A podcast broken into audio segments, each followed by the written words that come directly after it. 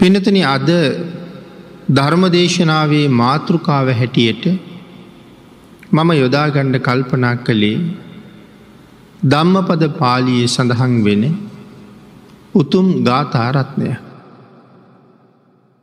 අපේ බුදුරජාණන් වහන්සේ මේ ගාථාරත්නය දේශනා කොට වදාලි භික්‍ෂූන් වහන්සේලා බුදුරජාණන් වහන්සේ ළඟ ඉදිරිපත් කරපු එක ප්‍රශ්නයකට පිළිතුරක් හැටියට. පානිහිචේ වනෝ නාස. හරේය පානිනා විසං. නාබ්බනං විසමන් වේතිී. නත්ති පාපං අකුබ්බතු. මේ ගාථාරත්නය සරල තේරුම තමයි තමන්ගේ අත්ලෙහි වනයක් නැත්තං මේ අත්ලේ තුවාලයක් නැත්තං විසක් අතට ගත්ත කියලා ඒ විස ශරීරගත වෙන්නේ නෑ. නමුත් අත්ලෙහි වනයක් තියෙනවන ඒ තුවාලය තියෙනකොට විසක් එතෙන්ට ස්පර්ශ වුණොත් ඒ විස ශරීර ගත වෙනවා. නමුත් අතේ වනයක් නැත්තං විසක් අතට ගත්තේ නෑ කියලා විෂ ශරීරගත වෙන්නේ නැහැ කියන කාරණාව මේ ගාථාරත්නයෙන් සඳහන් කරනවා. එතකොට මොනවාගේ කාරණාවක් නිසා මේවාගේ ගාථාරත්නයක් බුදුරජාණන් වහන්සේ දේශනා කොට වදාලද. අපේ බුදුරජාණන් වහන්සේ රජගහනුවර වැඩ ඉන්න කාලේ. මේ රජගහනුවර සිටුවරයගේ එක තරුණ දුවක් දවස තමන් ජීවත්වෙන මාලිගාවේ සත්මහල් තලයේ ඉඳලා එත හත්වෙනි තට්ටුවේ ඉඳලා මග දෙපස බලබලඉන්නවා. එතකොට ඇය දැක්කා මෝ කීප දෙනෙක් මරාගෙන කරත්තයක පටවගත්ත වැදි තරුණයෙක් ඒ මෂ්ටික විකුණන්න අරගෙන යනවා. මේ වැදි පුද්ගලයා දැක්ක ගමම්ම අර තරුණ දුවට ඔහු පිළිබඳව හැඟීමක් ඇති වුණ. වහාම තමන්ගේ දාසියට කතා කරලා ඇයට මුදලක් දීලා ඇය සතුටු කරවලා ඇයට කීව ඉක්මනට ගිහිල්ලා අර පුද්ගලය ආපහු යන්නෙත් මේ පාරෙම්මද කියලා හගනෙන්ඩ කියලා. ඇය ඉක්මනට ගිහිල්ල වැදි තරුණයා මුණගහිලා ඔහුට කතා කර ලැහුවා ඔබ වෙළඳ පොලට ගිහිල්ලා ආපහු යන ගමනුත් මේ පාරෙන්ම එනවද කියලා. ඔහු සඳහන් කළා සමහර වෙලාවට මගේ මෂ්ටික අද දවස විකුණන්ඩ බැරිවෙන්ඩත් පුළුවන්. එහෙම වුණොත් අද එන්ඩ වෙන්නේ නෑ. හැබැයි මම හෙට උදේම ආපහු යනවා. හැබැ මේ පාරෙන් නෙමෙයි වෙන පාරකින් යන්න කියලා ඒ යන පාර ඇයට කීව. කියලා ඔහු පිටත් වෙලා ගිය. අර දාසිය ඇවිල්ල සිටුකුමාරිට ඒ බව සඳහන් කළා. ඇය නිකං උමතු වූ තැනැත්තියක් වගේ තමන්ගේ ඇඳුම් පැළඳුම් ආභරණ ආදී සියල්ලම එක්රැස් කරගෙන හිමිදිරියේම නැගිටලා කිලිටි වස්ත්‍ර ඇඳගෙන තමන් සිටිදුව බව දකින්නෙකුට හඳුනගණ්ඩ බැරිවෙන්ඩ. දියගේන්න යන කෙනෙක් වගේ කළගෙඩියකුත් උකුලට අරගෙන සිටු මාලිගාවෙන් පිටත් වුණ. අර තරුණයා ආපහු යනව කියපු මාර්ගයට ගිහිල්ලා බලාගෙන හිටිය ඔහු වෙනක. ඇය හදිසියේම දැක්කා අර වැදි තරුණයාගේ කරත්තේ නවා. කලගෙඩිය බිම දැම්ම. දැන් ඇය කරත්ත පිටිපස්සෙන් යනවා. කරත්ත පිටිපස්සෙන් ඇය එනකොට අර තරුණයා කතා කරලා කියන ඔබ කවුද කොහෙද යන්නේ. ඇයි මගේ පිටිපස්සෙන්ම එන්නේ දෙතුම් පාරක් එහෙම කතා කරලා ඇයව නවත්තන්ඩ උත්සාහ කළ. නමුත් ඇය කියනවා මේක මහපාර මම යන්න පාරේ මම යන දිහාගෙන් ඔබට ඇති වැඩේමකක්ද. එහින්ද මම මගේ ගමන යනවා කියලා කිව. නමුත් නැවත නැවතත් අර වැඩි පුද්ගලය ඇයට කතා කරලා තමන් පිටිපස්සෙන් එන්ඩ එපා කියල කිහිවත්. එපා කියන්ට එපා කියන්න පස්සෙන් එනවා. සමහර වෙලාට මේක මගේ වාසනාව වෙන්ඩත් පුළුව. ඉතින් බලෙම් බලෙන්ම පිටිපස්සෙන් එෙන වාසනාවට පයින් ගහන කෙනෙක් ලෝක නෑ කියලා හිතලා ඇයට කරත්තට ගොඩවෙන්න ඉඩ දුන්න. ඇය කරත්තයට ගොඩ වුණ හම ඇය තමන්ගේ ගෙදර ඒක ගිය. ඇය තමන්ගේ බිරිඳ කරගත්තා. කාලයක් ගත වෙනකොට ඔහුට දාව ඇයට පිරිමි පුතාලා හත් දෙනෙක් ලැබුණ. ඇති මේ වැඩි පුද්ගලයාගේ ජීවිතය හැම දාම උගුල් අටවනෝ ඒ උගුල්වලට අහුවෙන සත්තු අරගෙන ගිහිල්ල විකුණලා තමයි ජීවත්තන්නේ. දැන් ඒ සඳහා අවශ්‍ය දැල් ඒවගේම උගුල් සඳහා අවශ්‍ය සියලුම ආම්පන්න ආයුධ සියල්ලම උදේට සකස් කරලා දෙන්නේ හවසට සකස් කරලා දෙන්නේ බිරිඳ. ඉතින් එක දවසක් මේ පුද්ගලයා සුපුරුදු පරිදිම තමන්ගේ උගුල් ටික සකස් කළා. අපේ බුදුරජාණන් වහන්සේ මහා කරුණා සමාපත්තියට සමවැදිල ලෝක දහතුව බලා වදාරණ වෙලාවි භාගිතුන් වහසගේ නුවනැසට මේ වැදි පුද්ගලය ඇතුළු වැදි පවුල දකින්න ලැබුණ. භාගිතුන් වහසේ බැලුවා මේ වැදි පවුල මගේ නුවනැසට දකින්නේ ඇයි. කියන කාරණාව බලහම. භාගිතුන් වහන්සේ දැනගත්ත භාග්‍යතුන් වහන්සේ වගේ මහා සත්පුරුෂයේ මේ අයට මුණ ගැහුණොත් මේ පවුලම සෝවාන් වෙනවා කියලා. සතර අපායින් මිදෙනවා කියලා. ඒ නිසා අපේ බුදුරජාණන් වහන්සේ පිඩිසිංගා වඩින වෙලාවී. උදේම වැඩම කළා අර වැඩි තරුණයා උගුල් හදල තියෙන කැලෑවට. එදා එයාගේ එකම උගුලකවත් සතෙක් නෑ. නමුත් භාගිතුන් වහන්සේ ඒ උගුල් සකස් කරලා තිබිච්ච බිම හැම්ම තැනම උගුලක් උගුලක් ළඟ භාගිතුන් වහසගේ සිරිපා ලකුණ පිහිටවූ. පිහිටවලා මදක් ඈතින් වැඩ හිටිය. අර වැඩි පුද්ගලය උදේ පාන්දරම සතෙක් අහුවෙලා හිටියොත් මරලා කපලා මස්කරගෙන මස් පොතාගණ්ඩ අවශ්‍ය සියලු දේවලුත් අරගෙන උගුල් බලන්ඩ ගිය. එකම උගුලකවත් සතෙක් නෑ. ඔහු කල්පනා කලා කවුරු හරි උගුල් ඔල බැදුන සත්තු නිදහස් කරලා ඇරලතිය. තව ටිකක් විපරම් කරනකොට සිරිපා සලකුණ දැක්ක. ඔහු කල්පනා කලා මේ තමයි උගුල් ටික ලෙහාපු පුද්ගලයාගේ පාසලකුණ. හොඳට වටපිට බලනකොට භාගිතුන් වහස ගහක්මුල වැඩඉන්න. කේන්ති ගිය හොඳට.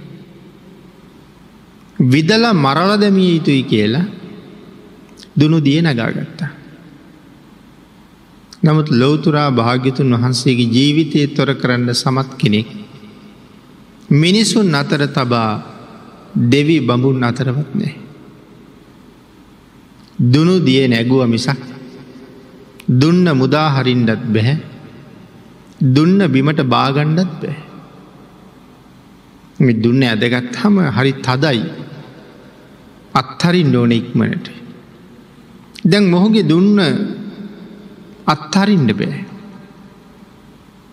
දැන් මුළු ශරීරයේම දාඩියෙන් තෙමිලා බොහොම වීරයක් යොදර ඇදගෙනීම ක්ලාන්ත ගතියට වාගේ ඇවිල්ලා.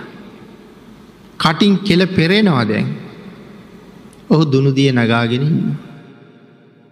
මේ වෙලා වැඩි පුත්තු ටික ගමනක් ගිහිල්ල ගෙදරවිල්ල බලහම තාත්තනෑ. වෙනද මෙලහට තාත්තා ඇවිල්ලා.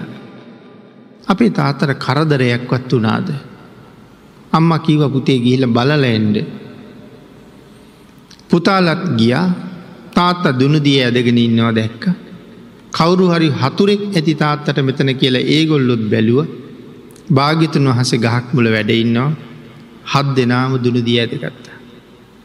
ඇද්ද මිසක් ඒ අයටත් දුන්න බාණ්ඩ පුළුහංකමක් නෑ.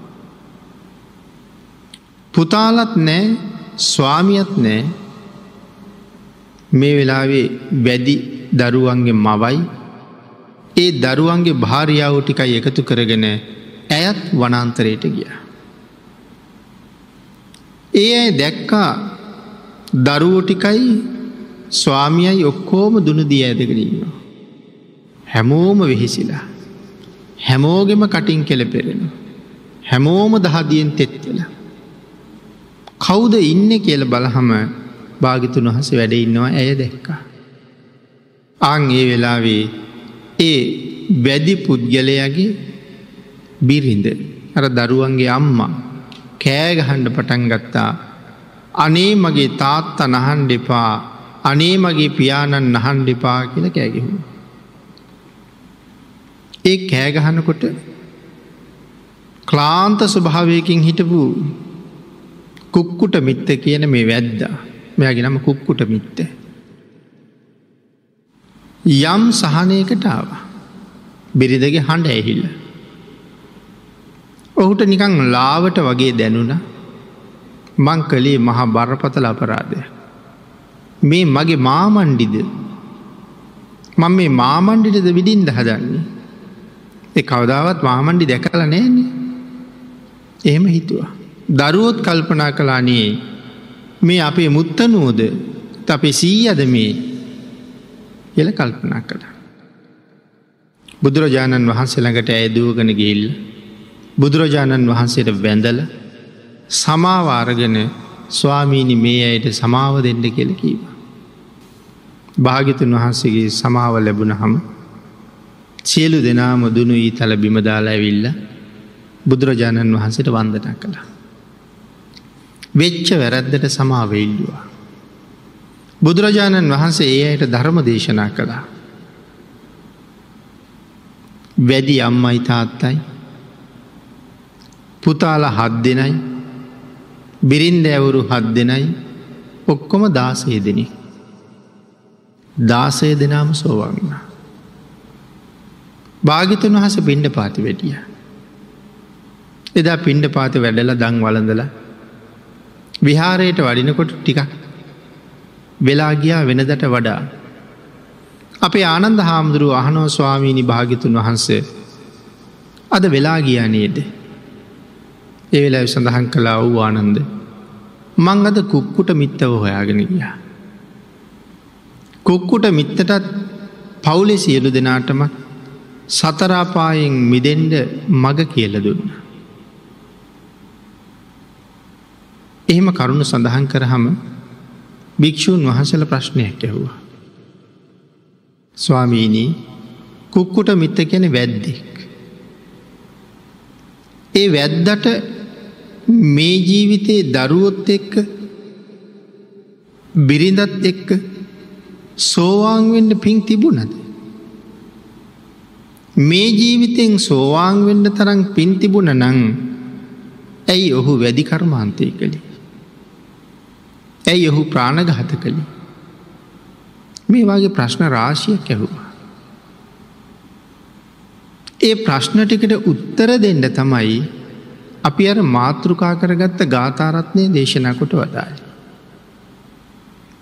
එතකොට වැද්දට හැමදෑම ප්‍රාණඝාත කරන්න ආම්පන්න ටික දෙන්නේ කවුද බිරිඳ. හැබැයි ඇය ඒ ආම්පන්න දෙන්නේ ප්‍රාණඝාත කරන්න නෙමේ. තමන්ගේ ස්වාමයාට කීකරු බිරිඳක්. ස්වාමයාට අවශ්‍ය උපකරන ටික ඇය සකස් කරලා දෙනවා. මොකද මේ වැඩි පුද්ගලයාගේ බිරිඳ ඔහු හොයාගෙන ඔහු පස්සෙන් යන කාලෙත් සෝවාන් වෙලයින්න. ඉතා කුඩා අවදීම යෑ සෝවාන් වුණේ. සෝවාන් වෙලා ඉන්නකොට තමයි වැඩි තරුණයගේ පස්සෙන් යන්න. එනම් මේ සෝවාන් වනා කියලා රාගය කියන ධර්මතාවේ නැති කරලා නෑ. මෙතන වෙනත් සංසාර හේතුවකුත් තියෙන. එතකොට භික්‍ෂූන් වහන්සලට කරුණු දක්ව හම ඇය කලින් සෝවන් වෙලා හිටපු බව. ඒකයි ඇය කෑගැහුවේ මගේ පියාණන් මරන්්ඩෙපා කියලා. එතොට කාටද මේ තාත්තා කියන්නේ. බුදුරජාණන් වහන්සේට. ඇයි බුදුරජාණන් වහන්සේට තාත්තා කියල කියන්නේ. පිනතුන අපේ ශාසනී බොහෝ තැන්වල භාග්‍යතුන් වහන්සේට එහෙම කතා කරපු තැන් සඳහන් වෙන. උත්තරාදේවියත් සිරිමා සමාව ගන්නන් මම ඔබේ පියාණන්ගෙන් කියනකොට නැත මට සමාවෙන්ඩ කියනකොට උත්තරාදේවියත් සිරිමට සඳහන් කළේ මගෙන් සමාව ගත්තට වැඩක් නැහැ මගේ පියාණන්ගින් සමාව ගන්න කියලා. පියාණන් සමාව දුන්නොත් මම සමාව දෙන්න. උත්තරාදේවීගේ කතාව මංහිතනය අපේ අය දන්නවා. උත්තරාගේ ඇඟට උනු තෙල් වක් කරන්න සිරිම උුණු තෙල් අරංගිය. උුණු තෙල් එක පාරක් වක් කලා. උත්තරාගේ තියෙන මෛත්‍රී ගුණේ නිසා පිච්චුනේ නෑ. දෙවනි වතාවත් උුණු තෙල් අරගෙන යනකොට උත්තරාගේ සේවිකාව සිරිමට හොඳටම පහරදුන්න. සේවිකාවන්ගෙන් ඇය බේරලා උනුදිය අරගෙන ඇගේ මුළු ශරීරයම තවල ඇයට ඒත් මෛත්‍රී දැක්වුවට පස්සේ ඇයට වැටහුණා තමන් කවුද කියලා. උත්තරා තමන්ගේ ස්වාමයාට දවස් පහලෝකට සිරිම කියන වෛශ්‍යාව පවරලා දීලා වස්කාලය අවසාන දවස් පහළවී පින් කරගන්නවා. දවස් පහළුවක් ඇතුළත සිරිමගේ කල්පනාව තමන් තමයි ඒ ගෙදර ගෘහමූලිකාව කියලා. අමතක වෙලා ටික දවසට. ඇයට දැනුනේ උත්තරත් එක්ක ස්වාමයා අනියම් සම්බන්ධයක් තියෙනවා කියලා. උත්තරාගේ ස්වාමියාම උත්තරා දුක්විදින දිහා බලාගෙන අනේ මේ අඥ්ඥාන කාන්තාව දාසියක් වගේ වැඩ කරනවා නේද කියලා උඩු මහන්තලා විඳල බලාගෙන හිනවුණ. සිරිම ඇවිල්ල බැලුව කවුරුව එක්කද හිනා වුණේ. සිරිමට පේන්ඩ හිටිය උත්තරා. ඒ වෙලාවේ ඇගේ කල්පනාව මොහුත් ඇයත් අතර වෙනම සම්බන්ධයක් ඇති කියලා. මේ ටිකට ඇයට අමතක වෙලා මම කවුද කියන එක. ඒක යරුණු තෙල්වත් කරන්න. ඉතින් පස්සේ සමාවඉල්ල හම කියනවා මගේ තාත්තගෙන් සමාවගන්ට. සිරිම කියනවා මම එහෙනම් පුන්න සිටුවරය හොයාගෙන ගිහිල්ල සමාව ගන්න උත්තරා කියනව නෑ. පුන්න සිටුවරය කියන්නේ මගේ පංචස්කන්දය පෝෂණය කරපු තාත්තා. නමුත් මගේ සසර මග සතර අපායෙන් මම මුදවගත්ත. මගේ සසර ගමන නිමාල වන මගේ තාත්තගෙන් සමාවගන්ට. ඒ කවුද කිය ලැහුවා. ඒ තමයි ලොවතුරා බුදුරජාණන් වහන්සේ. එන එදා හැබෑවටම තාත්තකීවි භාගිතුන් වහන්සේට. මෙ කෙලෙස් සාගරයෙන් එතර කරපු යම් උත්තමය කෙටියනං උන්වහන්සේට තාත්ත කියපු තැන් බොහොම තියෙනවා. මහ රහතන් වහන්සේල සම්බන්ධයෙන් කතා කරනකොට භාග්‍යතුන් වහන්සේගේ නෙක්ලේසී ලයමඩලෙන් උපන් පුත්තු කියල සඳහන් කෙරුවනං යම් තැනක ඒ රහතන් වහන්සේලා. ඉතින් ඒ නිසා සෝවාන් වෙච්ච අර උත්තමාවිය මගේ තාත්ත නසන් දෙපා කියල කෑ ගැහුව එකයි. ඉතින් භික්‍ෂූන් වහස ලැහුවා ස්වාමීනී ඇය ඒ තරන් උතුම් තැනක ඉඳලත් පව් කලාද කියලා. කුඩාවදීම සෝවාන් වෙලානි. එතකොට දැන් වැද්දෙක් එක්ක විවාහ වෙලා වැද්දට සත්තු මරන්ඩ අවශ්‍ය ආම් පන්න ටික දෙන්න. ඒ වෙලායි තමයි දේශනා කළේ පානිම් හිචේ වනෝ නාස්ස හරෙය පානිනා විසං. මහනෙන අතේ තුවාලයක් නැත්තං ඒ අත්ලට විසගත්තා කියලා ශරීර ගත වෙන්නේ නෑ. අතේ තුවාලයක් නෑ. හරෙය පානිනා විසං. නාබ්බනං විසමන්වේතිී නත්ති පාපං අකුබ්බතු. අන්න ඒවාගේ පව් සිතුවිල්ලක් හිතේ නැත්තං පාපයක් සිද්ධ වෙන්නේ නෑ.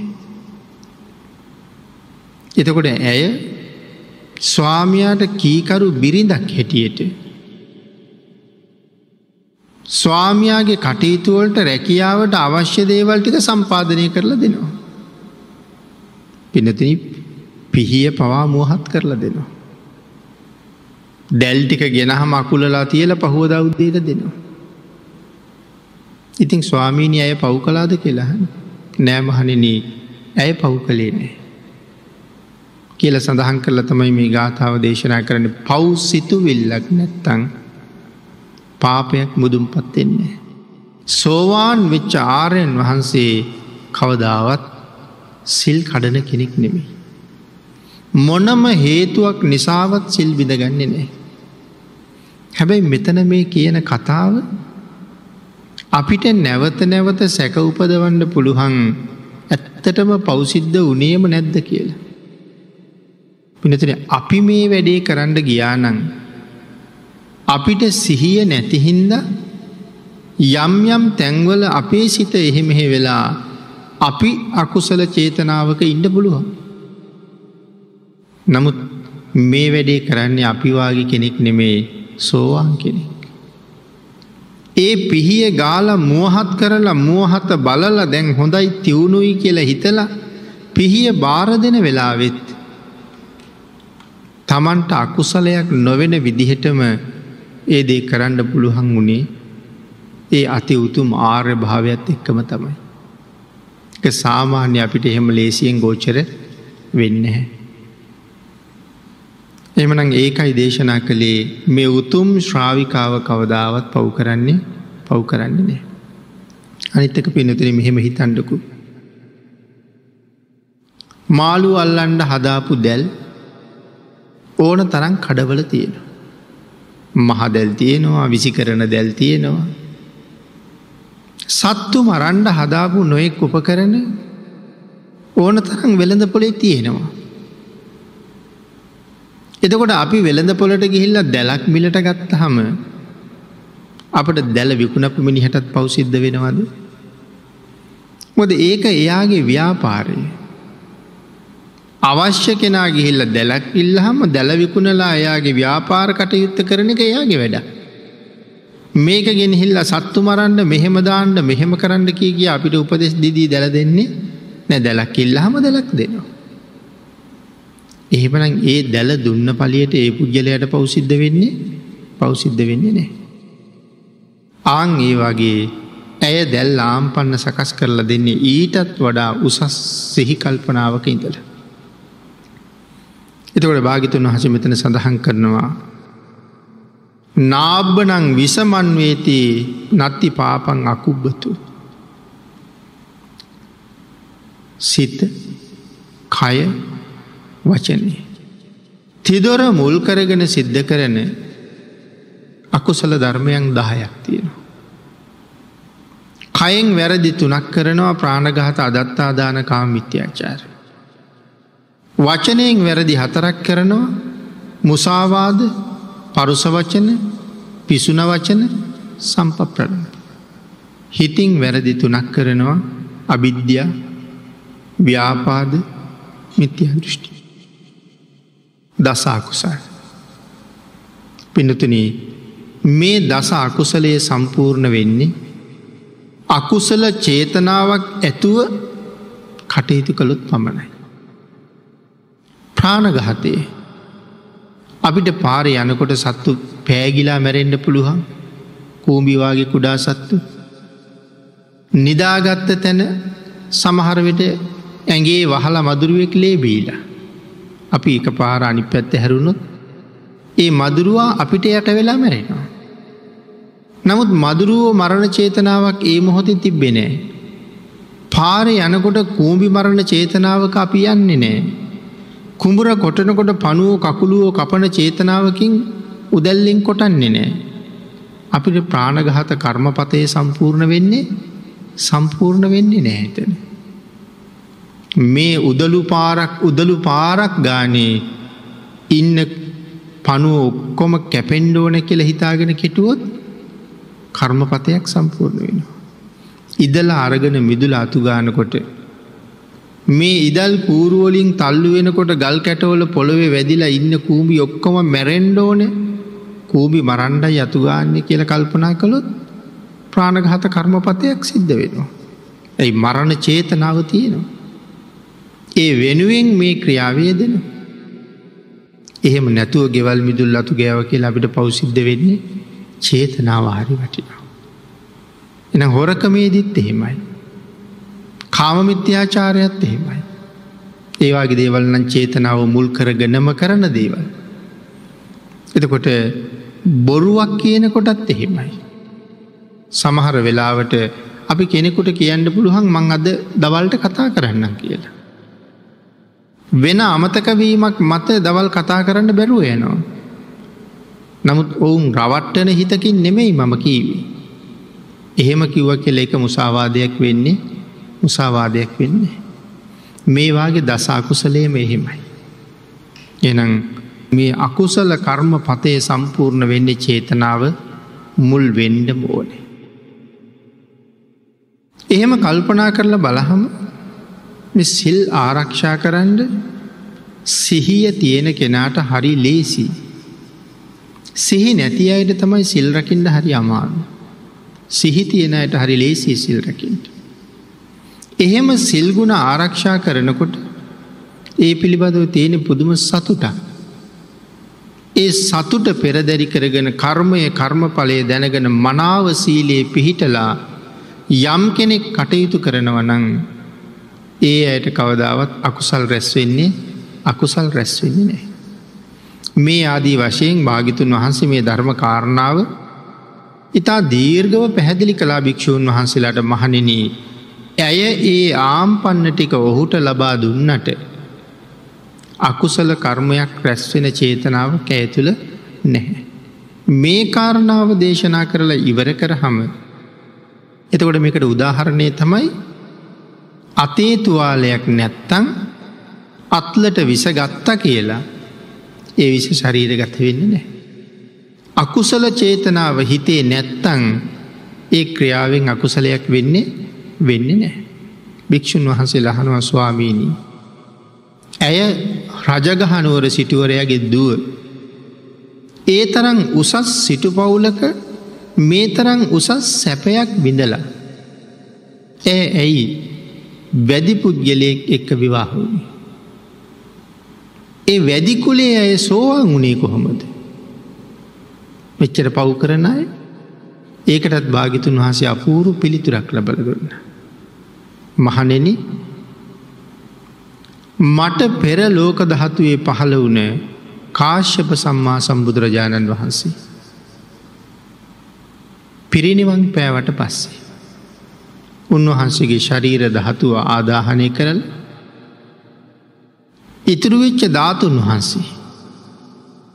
තැම්පත් කරලා මහජනතාව එකතු වෙලා චෛත්‍යයක් හැදුව. දෙවියෝ මිනිස්සු ඔක්කොම එකතු වෙලා හදන. ඇයි එක ධාතුන් වහන්සේ නමයි. දෙවියන්ට මිනිසුන්ට ඔක්කොටම වඳින්ට තියෙන් එච්චරයි. තැන් අපේ භාගිතුන් වහන්සගේ ධාතුන් වහන්සේලා නම් දෙව්ලවත් වැඩඉන්න. නමුත් කාශ්‍යප භාගිත්තුන් වහන්සේගේ ධාතුන් වහන්සේලා ඒක ගණයි. එක ධාතුන් වහන්සේ නමයි. එනිසා සියලු දෙනාමකති වෙලා මේ එක චෛත්‍යයයි හදන්න. සඳහන් කරනවා මේ ස්ටිරියල් කියන මානික්‍යමය වගේ පාෂාන. අඹරල තලතෙල්වලින් අනල ගඩොල් කැට වගේ හදල පුච්චනවා. එහෙම පුච්චලා රත්තරං ආලේප කරනවා. ඒ ගඩොල් තමයි චෛත්‍යයේ ඇතුල් පැත්ත බඳින්න යොදාගෙන තියෙන. ඊට පිටිං තනිකරම ගණ රත්තරනින් හදාපු ගඩොල්ලොලින් තමයි මුළු චෛත්‍යයම ගොඩන කළතියෙන්. එක ගඩොලක වටිනාකම කහවනු ලක්ෂයක් කියල සඳහන් කරනවා. මුළු චෛත්‍යයටම පිට පැත්තෙන් තියෙන්නේ කහවනු ලක්සේ ලක්සේ වටින ගඩොල් කැට. ඇතුල් පැත්තිෙන් තියෙන්නේ තලතෙල් මිශ්‍ර කරලා අනලා පුච්චගත්ත රං ආලේප කළ සිරියෙන්. දැ චෛත්‍යය ගොඩ නැකළ ඉවරයි. විශාල චෛත්‍යය. මිනිස්සු කල්පනා කළා චෛත්‍යය ගොඩනගන්නත් විශාල මුදලක් වේදන් වුණයි එක ගඩොලක් කහවනු ලක්ෂයක්න ධාතු නිධාන උත්සවයට ඊට වඩා මුදල් වියදැන් වෙන. ඒ නිසා කවුරුහරි පුද්ගලයෙක් මේ පින්කමේ ප්‍රධානිය කරගණ්ඩුවන. මුදලක් ලබාගන්නට. එහෙම සාකච්ඡා කරහම පිටස්තර ගමක ජීවත්වෙන සාමාන්‍ය පුද්ගලයකුට ඒ කාරණාව අහන්ඩ ලැබිලා ඔහු කල්පනා කළා මේ පින්කමේ ප්‍රධානිය විය යුතුයි මම. ඒ නිසා ඔහු ගිහිල්ලා කහවනු කෝටියක් දුන්න පින්කමට ගණ්ඩ කියලා. මිනිස්සු හැමෝම කතා කළා තමන්ගේ නුවර ආශ්‍යප භාගිතුන් වහන්සේගේ ශාසනයන අපේ නුවර ඉන්නවා මහ ධනපතියෙක්. නමුත් මේ ධනපතිය මිනිස්සු තලල පෙළලා අසාධහරණ මට්ටමින් පවා ධනය හම්බ කරනු. කන්නේ බොන්නෙවත් නෑ. විශාල දනස්කන්දයක් ඔහු සතුයි. මේ පිටස්තර දුප්පත් පුද්ගලයෙක් අපිට කහවනු කෝටියක් දුන්න මිසක් මේ මහ ධනපතිය වගක්වත් නෑන කියලා චෝදනා මුකයෙන් තැන තැන කතා කළා. ඒක අරමනුස්සයට අහන්ඩ ලැබුණ. අහන්ඩ ලැබුණ හම කල්පනා කලා මමත් මේ පින්ක මේ ප්‍රධානය වෙන්ඩෝන. එයා කහවනු කෝටි දෙකක් දුන්න. ඒක ආරංචුනා පිටස්තර පුද්ගලයට. ඔහු කහවනු කෝඩි තුනක් දුන්න. ඒ ආරංචි වෙලා නගරේ ධනපතිය කහවනු කෝඩි හතරක් කළා. මෙහෙම මෙහෙම දෙන්න මුදල් වියදැන් කරගෙන යනකොට පිටස්තර පුද්ගලය කල්පනා කළා නගරයේ ධනපතියත් එක්ක මට තරඟ කරන්න බෑ. ඔහුගේ නිදන්ගත ධනය විතරක් තියෙනවා හතලිස් කෝටියක්. ධනය උපයන්ඩ යොදවපු මුදල්වල සීමාවක් දන්නේ. නමුත් මමගාව තියෙන්නේ කහවනු කෝටි නමයයි. ඉතින් කහවනු කෝටි නමයක් තියාගෙන අරවාගේ මහ ධනපතියක එක මම කොහොම තරඟ කරන්නද. මේක කරන්න ගියොත් මට අයිති වෙන්නේ පරාජයමයි. එහෙම හිතලා ඔහු ඒ විදිහට නැවත මුදල් වේදන් කරන එක නතර කළා. නමුත් තීරණය කළා පින්කමේ ප්‍රධානිය මමම තමයි කියලා. ඒකට මොකක්ද කරන්න කියල හිතල ඔහු තමන්ගේ පවුලය ඔක්කෝමත් එක්ක. මේ චෛත්‍යය සතු වුණා. චෛත්‍ය සතු වනා කියල කියන්නේ මුළු ජීවිතයෙන්ම චෛත්‍යයට දාසයෝන. චෛත්‍යය සුද්ධ කරන්න මළුව සුද්ධ කරන්න මල්ලාසන පිරිසිදු කරන්න චෛත්‍යයේ ආරක්ෂාවට රෑ දවල් දෙකම මමත් මගේ පවුලේ ඇත් ඉන්නවා. එකකිව චෛත්‍යය සතු වනා කියලා. චෛත්‍යයට අයිති වස්තු බවට පත් වුණ. මිනිස්සු ආය කතා කළා සල්ලිනං ඕන තරන් හොයන්න පුළුවන් නමුත් මෙහෙම වෙන්ඩ පුළුවන් අයනෑ. ඒ නිසා මොහුම තමා පින්කමේ ප්‍රධානය කියලා. ඔහුම පින්කමේ ප්‍රධානය කළා. ධාතුන් වහන්සේලා නිදන් කිරීමේ පින්කමත් ඉවරයි. දැන් අර පවුලේ ඉන්නවා දාසේ දෙන. අර පිටස්තර ධනපතියගේ පවුලේ දාසය දෙනෙක් ඉන්නවා ඒ දාසේ දෙනාම දැන් චෛත්‍යයට දාසයෝ වෙලා වැඩ. මිනිස්සු කල්පනා කලා මොවුන් කොච්චර ශ්‍රේෂ්ඨද මොවුන් මෙහෙම කටයුතු කරන එක හරි වටිනවා නමුත් අපි ඔවුන්ගේ දාසභාවයෙන් මුදවමු. මිනිස්සු සල්ලි එකතු කරලා ඒ දාසය දෙනාගේ බරකිරලා ඒ දාසය දෙනාගේ බරට කහවනු චෛත්‍යයට පූජ කළා. පූජ කරලා ආරාය ඒ දාසභාවයෙන් විදිවා. ඒ වනාට ඒ ඇයි ජීවිතයේ තියෙනකං චෛත්‍යය වෙනුවෙන් කළ යුතු හැම සත්කාරයක්ම කලා කියල සඳහන් කරන. මැරෙන මැරෙන අය දිවියලෝක උපත්තිය ලැබවා. ආං එදා පිටස්තර ධනපතියගේ පවුල දිවියලෝක ඉඳලා අපේ බුදුරජාණන් වහන්සේගේ කාලි දිවියලෝකෙන් චුත වෙලා රජගහනුවර සිටුවරයාගේ බිරිඳගේ කුසේ ඇවිල්ල ඉපදුනා. ඒ තමයි වැඩි තරුණයාගේ බිරිඳ. රජගහනුවර සිටු පවුලේ ඉපදුනා. වැදිපුද්ගලයත් දිවිය ලෝකෙ ඉඳලා නොයෙක් නොයෙක් ආත්මෝල ඉපදිලා අපේ බුද්ධ ශාසනය ආපෝසරයක් වැදි කුලේක උපන්න. එතකොට වැද්ද කියන්නේ කවුද එදා අර පිටස්තර ධනපතිය චෛත්‍යයට දාසවෙච්ච පවුලේ ප්‍රධානිය තමයි වැද්ද. ඒ ප්‍රධානියගේ බිරිඳ තමයි රජගහනුවර සිටුවරයගේ දුව මෙදා වැදිපුද්ගලයාගේ බිරිඳ. එතකොට ඒ පවුලේ අනික් අය තමයි අර පුත්තු ටික ඒගොල්ලොත් දිවියලෝකි.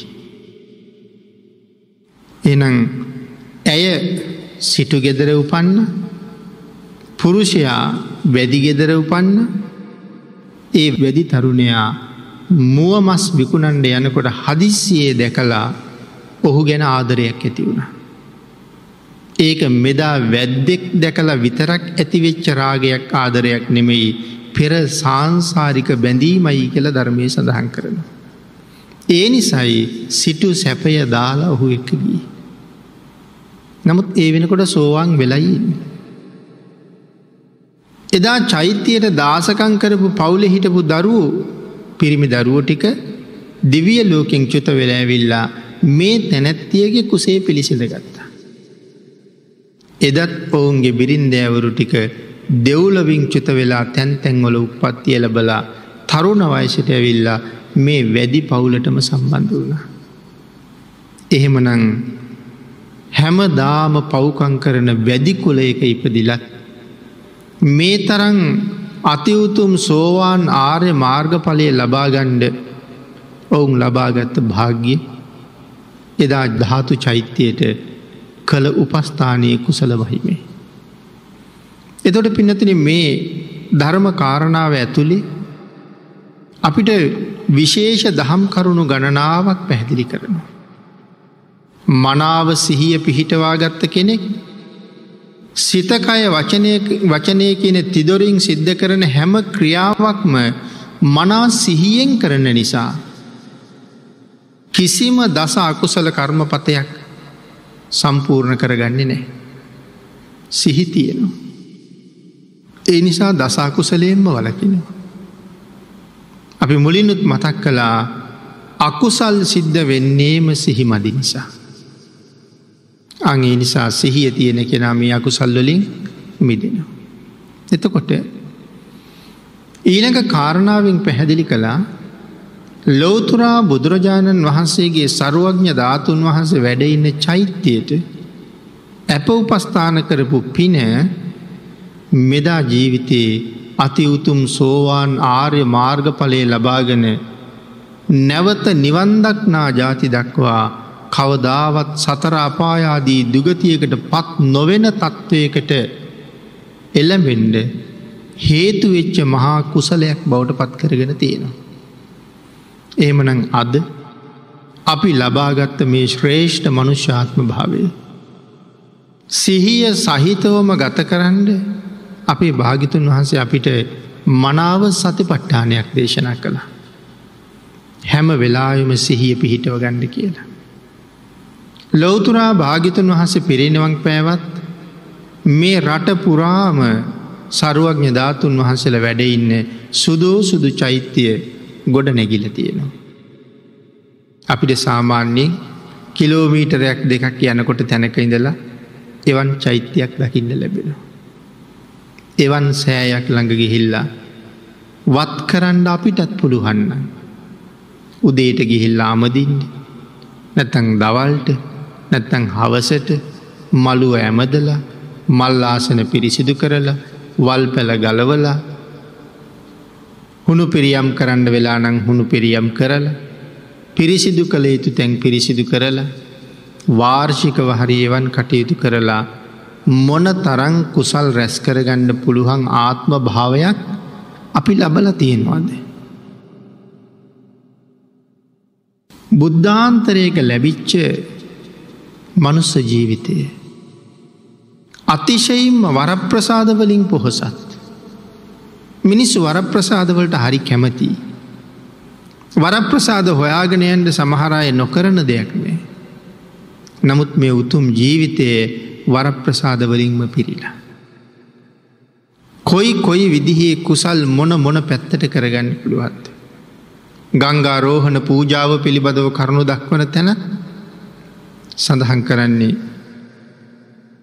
අර සිටුවරයා පසේ බුදුරජාණන් වහන්සේගේ චෛත්‍යයකට කරපු පස්ථානය පැහැදිලි කරන. චෛත්‍ය මළුවක තියෙන තනකොළ ගහක් ගලවන ගලවන වාරයක් වාරයක් ගාන. මෙතෙක් කල් සංසාරය සතර අපායේ ඇවිද්ධව ඇවිද්ධව අපි අරගෙන ගිය. එක් කෙලෙස් නිසා මේ එක තනකොළ කෙන්දක් උදුරන මොහොතක් නිමක් නැති මගේ හිතේ උපදින කෙලෙස් මුල් පිටිං ගලවලා අයින් කරන්න තරන් හේතුවෙන මහකුසල කරමය. ඒවාගේ අවස්ථාවල් අපිට දුර්ලභ නෑ හරි සුලබයි කරුණු කාරණා දැනගෙන ලෙඩවල්ට ගොදුරු වෙලා ඇවිද ගණ්ඩ බැරි වෙලා සෑමලුවට යන්ඩ බැරි වෙලා බෝමලුවට යන්ඩ බැරි වෙලා දුක්විදින කාලේ තින්ට යනවට වඩා අද පුළුහන් කාලේ මේ ලෞකික කටයුතුවලින් ටිකක් මිදිල ආධ්‍යාත්මික පොහොසත් කරගණ්ඩ කටයුතු කරන්න අවස්ථා ඕන තරන්තියෙන. අවශ්‍ය ශ්‍රද්ධාවයි සිහියයි. එයින් ප්‍රයෝජනාරගෙන ලැබිච්ච උතුම් මනුස්ස ජීවිතයෙන් ආය සතරාපායට නං නොයා සුගතියෙන් සුගතියට ගිහිල්ල. කුක්කට මිත්ත පවුලේ අයගේ සෝවාන් බව කොහොමද ලැබුණේ සංසාරි සෝවාන් ආදී උතුම් මාර්ගඵල ලබල සසර මග කෙරවල කරගණ්ඩ භාග්‍ය වාසනාව සකස් කරගණ්ඩ මේ උතුම් ජීවිතයෙන් පල නෙලන්ඩ සියලු දෙනාටම ශක්තිය දහිරිය භාග්‍ය වාසනාව උදාවේවා කියලා ආශිරවාද කරන.